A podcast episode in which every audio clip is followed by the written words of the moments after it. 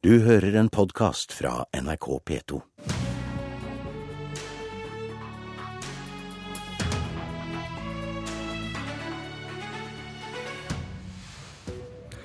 Ble 2014 året da den kalde krigen kom tilbake? Russiske jagerfly flekser muskler langs Norges grense, og i helgen forsøkte Putins utsending å true oss til å droppe de økonomiske sanksjonene, og la til 'vi er ikke redd for kald krig'. Vi skal snart høre om det er frykten som rår her i studio, men mine gjester er også hovedpersoner i saken Klassekampen har på forsiden i dag. Utenriksminister Børge Brende fra Høyre, velkommen til Politisk kvarter. Tusen takk. Overskriften lyder 'Norge snur om atomvåpen', fordi regjeringen da ikke vil støtte et forbud. Men så hørte vi deg i nyhetssendinga nå nettopp at uh, det der er du ikke helt enig i? Nei, jeg tror uh, den tittelen må stå for Klassekampens regning på første sida. Realiteten er at uh, jeg deler fullt ut den visjonen om et atomvåpenfritt samfunn og ønsket om et, en verden uten atomvåpen noe som den forrige regjeringa starta, et humanitært nedrustningsarbeid, som jeg støtter. Men der jeg trekker grensen, er ved, å, ved et forbud. Vi kan etter min mening eh, ikke i dag eh, legge på bordet som eneste Nato-land eh, et forbud, som Jens Stoltenberg sa i vår, da han fortsatt var Arbeiderpartiets leder, at så lenge det eksisterer atomvåpen, så vil Nato ha atomvåpen. Men vi må ikke snakke forbi hverandre her, for jeg syns det er et viktig initiativ. Eh, dette med å se for oss et samfunn i fremtida uten atomvåpen. Men den reelle politiske utfordringa nå, etter min mening, det er å hindre spredning av masseødeleggelsesvåpen og atomvåpen. Vi vet at altfor mange land har fått det, bl.a. Nord-Korea. Eh, vi vet at Pakistan har eh, atomvåpen, og vi må hindre at flere får det, og ikke minst terrorister. Leder av Stortingets utenriks- og forsvarskomité, Anniken Huitfeldt fra Arbeiderpartiet. Hva er det dere er uenige om, hvis, som Brende sier, at de har ikke snudd? Um, det vi først og fremst er uenige om, er vel at jeg mener at denne regjeringen har en noe defensiv holdning i disse forhandlingene. Norge var jo med på å ta initiativ til en internasjonal konferanse som skulle se på de humanitære konsekvensene av atomvåpen. Det var den tredje konferansen i Østerrike nettopp. Og det er argumenter for ikke å slutte seg til det østerrikske initiativet, slik utenriksministeren sier. Men det er klart at her må Norge gå foran. Vi har gjort det innenfor Nato, hvor de strategiske betydningen av atomvåpen er redusert. Hvor vi har fått nye formuleringer omkring Natos bruk av atomvåpen. Og jeg mener at utenriksministeren generelt er for passiv i disse forhandlingene. Men da betyr det at det er Arbeiderpartiet som snur og nå sier ja til et forbud mot atomvåpen? Jeg mener at den eh, østerrikske konferansen er en direkte oppfølging av det vi gjorde i Norge. Vi har heller ikke formulert oss helt klart og sagt at vi støtter et forbud mot atomvåpen, men vi ønsker at Norge skal innta en mer offensiv holdning, slik vår tidligere utenriksminister Espen Barth Eide gjorde, og som jeg syns ikke den nåværende utenriksminister følger opp i tilstrekkelig grad. Brenne, forstår du deg på kritikken? Det som eh, jeg syns er viktig nå, det er å bygge eh, på det vi har eh, felles i denne saken, nemlig visjonen om et atomvåpenfritt samfunn. Det skal jeg sørge for at Utenriksdepartementet og Norge følger opp i de eh, diskusjonene som er fremover. Den østerrikske konferansen var viktig, den var bra. Den felles oppsummeringa som Østerrike la på bordet, ikke bare om eh, atomvåpen, men om ikke-spredning, hvordan vi skal ta dette inn i ikke-spredningskonferansen til våren. Men, men jeg tror dere må hjelpe meg og lytterne til å forstå nyansene mellom det som skiller dere? For hvis ingen av dere er for et forbud, hva er det da dere er uenige om? Det som jeg tar til meg, det er jo at, eh, og forstår fra det Huitfeldt nå sier, og flere partier i Stortinget mener at jeg bør legge enda større engasjement og entusiasme i dette arbeidet. Eh, og det eh, skal vi gjøre. Men det er når du går ifra dette med et visjonen om et atomvåpenfritt samfunn til som eneste Nato-land og eventuelt gå inn for eh, et forbud, at eh, problemene eh, oppstår, ikke minst sikkerhetspolitisk og i forhold til alliansen. Men slik er det jo i utenrikspolitikken. at det er måten du vektlegger argumenter som ofte skiller land og skiller politiske partier. Og jeg mener jo at de humanitære konsekvensene av atomvåpen har vært undervurdert. Fordi at dette er først og fremst våpen som ikke dreper de militære, det dreper sivilbefolkningen. Og de siste årene så har det ikke vært nok trøkk på den internasjonale agendaen for å få ytterligere kjernefysisk nedrustning. Det mener jeg var et initiativ som vår regjering tok. Det var mange Nato-land som var uenig i det, men vi må fortsette dette offensive arbeidet. Men er Arbeiderpartiet fremdeles mot et forbud? Eller er dere blitt mer usikre på om et forbud er lurt? Vi må vurdere dette, men vi står jo ved et valg. Skal vi ha en formulering internasjonalt som er veldig ren rank, og som få land slutter seg til? Eller skal vi ha formuleringer som mange, også atomvåpenmaktene, kan slutte seg til? Og i det arbeidet så mener jeg at Norge skal være offensive. Og hva, hva konkret er det du etterlyser da? Jeg etterlyser en mer offensiv holdning fra utenriksministeren. Jeg syns at det svaret han kommer med til meg, jeg har stilt et spørsmål til han fra Stortinget, er for defensivt, hvor han vektlegger at dette er i strid med NATOs strategiske konsept. Jeg mener at det å arbeide for en internasjonal avtale hvor vi skal redusere atomvåpens betydning, ikke er i strid med NATOs strategiske konsept. Jeg syns at eh, det er viktig for Nato å ha på dagsorden og jobbe aktivt for eh, videre nedrustning. Det er et stort stor mulighet for å redusere både eh, langtrekkende og eh, kortrekkende eh, atomkapasiteter. Hva konkret kan du gjøre?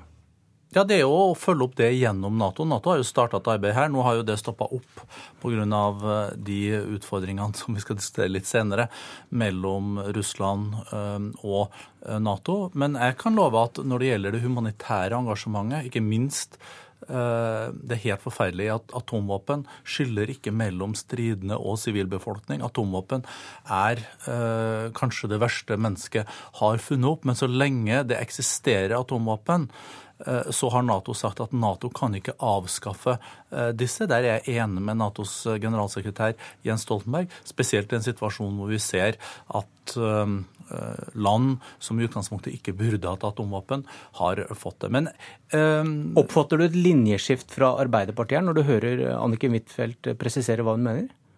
Jeg opplever et sterkt engasjement i, i, kampen mot atomvåpen, visjonen for atomvåpenfritt eh, samfunn. Men dere er enige? Eh, det, det, det syns jeg er fornuftig. Og så merker jeg at, eh, og så føler jeg at det er et ønsker et større trøkk fra min side på disse. Det tar jeg til meg for å ha med det som et nyttårsforsett. Men jeg setter grenser ved dette som går på Norges eh, Nato-tilknytning. Vi kan ikke som eneste Nato-land, når det eksisterer atomvåpen ellers i verden, sende noen signaler om at vi ensidig skal gå imot mot det som er en vedtatt politikk og strategi for den alliansen som gir oss eh, vår sikkerhet. Og for å sette punktum, Huitfeldt, dere er heller ikke klare til å gå over den grensa riktig ennå? Det kan godt hende at vi ønsker å støtte et slikt forbud, men vi må ha et trøkk på disse internasjonale forhandlingene hvor vi får med oss veldig mange andre land. Og jeg mener at det østerrikske initiativet er viktig, og at Norge bør være mer offensiv og følge opp. Og det er sikkert mange Nato-land som vil være skeptiske til en offensiv norsk holdning. Men jeg mener at dette er viktig. På samme måte som vi var offensive når det gjaldt eh, klasevåpen og miner. Og mange Nato-land var uenige med oss da, men de sluttet seg allikevel til et internasjonalt forbud. Når vi går over til neste tema, er det vel ikke helt uten berøringspunkter med det vi nettopp snakket om? Russland. Brende, hva vil stå i våre barnebarns historiebøker? Ble 2014 året da den kalde krigen fant en ny form? Det øh, håper jeg ikke, eh, og jeg tror ikke det. Uh, under den kalde krigen så var det to store blokker. Uh, det var Sovjetunionen og Warszawa-blokken, og så var det uh, Nato og USA. Vi har et helt annet verdensbilde i dag hvor eh, de to største økonomiene, eh, USA og Kina, eh, de både er i dialog, og de har ikke som utgangspunkt et sånt nullsumspill at hvis den ene gjør det bra, så går det dårlig med meg. De vet at de vinner på å samarbeide med hverandre. Utfordringa med Russland er jo at de dessverre i løpet av året har valgt å bryte den enigheten som har vært om sikkerhetsarkitekturen og folkeretten etter 1945. Eh, Jeg hadde ikke forestilt meg, og dette kommer jo til å stå i historiebøkene, at for første gang siden 1945 så er det ett europeisk land som tar en del, annekterer en del av et annet europeisk land i strid med FN-pakten og folkeretten. Og det må vi jo reagere på. Men du vil ikke kalle det noe i nærheten av kald krig? Nei, for kald krig, eh, det eh, er veldig symbolsterkt. Det er og symboltungt. Og vi står ikke oppe i en kald krig. Og jeg håper jo at over tid at det er mulig å få til en normalisering eh, med Russland Og Det ser ikke sånn ut akkurat nå, men vi vet at Putin sitter med nøkkelen eh, til en eh, nedtrapping av konflikten i Ukraina. Trekker Russland soldatene sine ut, avvæpner de prorussiske separatistene, etterlever Minsk-avtalen så vil jo det føre til og en nedtrapping av sanksjonene. Huitfeldt, President Putins sendebud fortalte da i helgen at Russland ikke er redd for en ny kald krig. Er du? Det er ikke en kald krigssituasjon nå. Vi har jo langt eh, mer samarbeid enn tidligere når det gjelder miljø, på forskning, langt mer folk-til-folk-samarbeid. Det er en grense vi har til Russland i nord hvor det er flere passeringer enn noen gang. Og vi har på sett og vis en felles interesse av å opprettholde internasjonal dagsorden i nei, internasjonalt samarbeid i nord. Men det er klart at vi ser et annet Russland enn tidligere. Den økonomiske tilbakegangen i Russland startet jo før anneksjonen av Ukraina. Men det er klart at de klarer ikke å levere økonomisk framgang til sine innbyggere. De slutter å snakke om ord som modernisering, innovasjon. De blir mer konservative i en del familiepolitiske spørsmål, eh, som et sånn voldsom propaganda mot homofile. slik at de inntar en litt annen holdning. Og det er vel typisk for ledere som ikke klarer å levere økonomisk framgang til sine innbyggere, er at de blir mer tradisjonelle og fokuserer på andre forhold. Så Vi ser et annet Russland. Vi ser også et Russland som moderniserer sitt forsvar, men det moderniserer altså ikke sin økonomi. Det var vel trusler, Brende, det vi hørte i helgen eh, fra denne utsendingen, som sier at Norge kommer til å lide økonomisk hvis ikke vi dropper sanksjonene som vi er med på via EU. Jeg tror vi skal ta med en klype salt eh, denne eh, utsendingens uttalelser, hvis vi ser på hvem som har kommet tapende ut av denne runden økonomisk, så er det vel eh, så langt eh, Russland. De betaler en høy pris økonomisk nå for sine folkerettsbrudd i Ukraina, og ikke minst et mellomstor økonomi i utkanten av Europa som har havområder som er seks ganger større enn våre landområder, så har Norge ingenting å gi når det gjelder folkeretten og respekten for andre landsgrenser. Det ville vært utenkelig for oss å ikke stått sammen med våre allierte og Europa i å sende et sterkt signal om man kan ikke ta en del av et annet land. Så har vi jo sett hva som har eh, skjedd med russisk økonomi. Rubelen har eh, svekka seg med 40 utenlandske investeringene Eh, kommer ikke til eh, Russland. Og en forutsetning for, eksempel, for å fortsette den opprustninga Russland har drevet de senere årene, de har økt forsvarsbudsjettet sitt med 50% på fem år, er jo en økonomisk vekst. Og eh, til neste år så vil jo den russiske økonomien krympe. Det tror jeg òg setter dette i større relieff. Og jeg tror Putin vil tenke seg grundig om før han går til nye folkerettsbrudd i Europa, ikke minst med basis i de sanksjonene. Kåre Willoch han sa i høst at Vesten burde skjønt at Russland ikke kunne godta at flåtebasen på Sevastopol på Krim ble en del av EU-området. Hva tenker du om det, Huitfeldt? At det er noe ved Russland vi ikke helt klarer å forstå? Det jeg ikke forstår, er eh, hvorfor de ønsker å gå til det folkerettsbruddet de har inntatt nå. De har ingen økonomisk interesse av det. Det er kun ønske om å uh, gjenopprette en status som en stormakt som de ikke er økonomisk lenger. De har en økonomi vi... på linje med Italia. Det vi kanskje ikke har forutsett, er den politiske utviklingen som har vært i Russland den siste tiden. Hvor det har vært gradvis innskrenking av pressefriheten, hvor menneskerettighetsbruddene har blitt flere. Og veldig mange på universiteter, utdannede unge befolkninger nå, de flykter fra Russland og ønsker seg en framtid i Vesten. Så vi har kanskje vært noe for optimistiske når vi har analysert den politiske situasjonen i Russland. Men det er klart at dette kan ikke fortsette. Nå er det en eh, veldig høy rente. Vi ser ledere som ikke klarer lenger å levere økonomisk framgang. Slik at dette kan ikke fortsette på lang sikt. Men Norge har uansett en egeninteresse av dialog. Vi har en grense mot Russland. Dette er en konflikt som handler om Ukraina, men vi skal fortsette det gode samarbeidet vi har i nord. Brende, kan Russland beholde Krim samtidig som det gjenopprettes en normalsituasjon?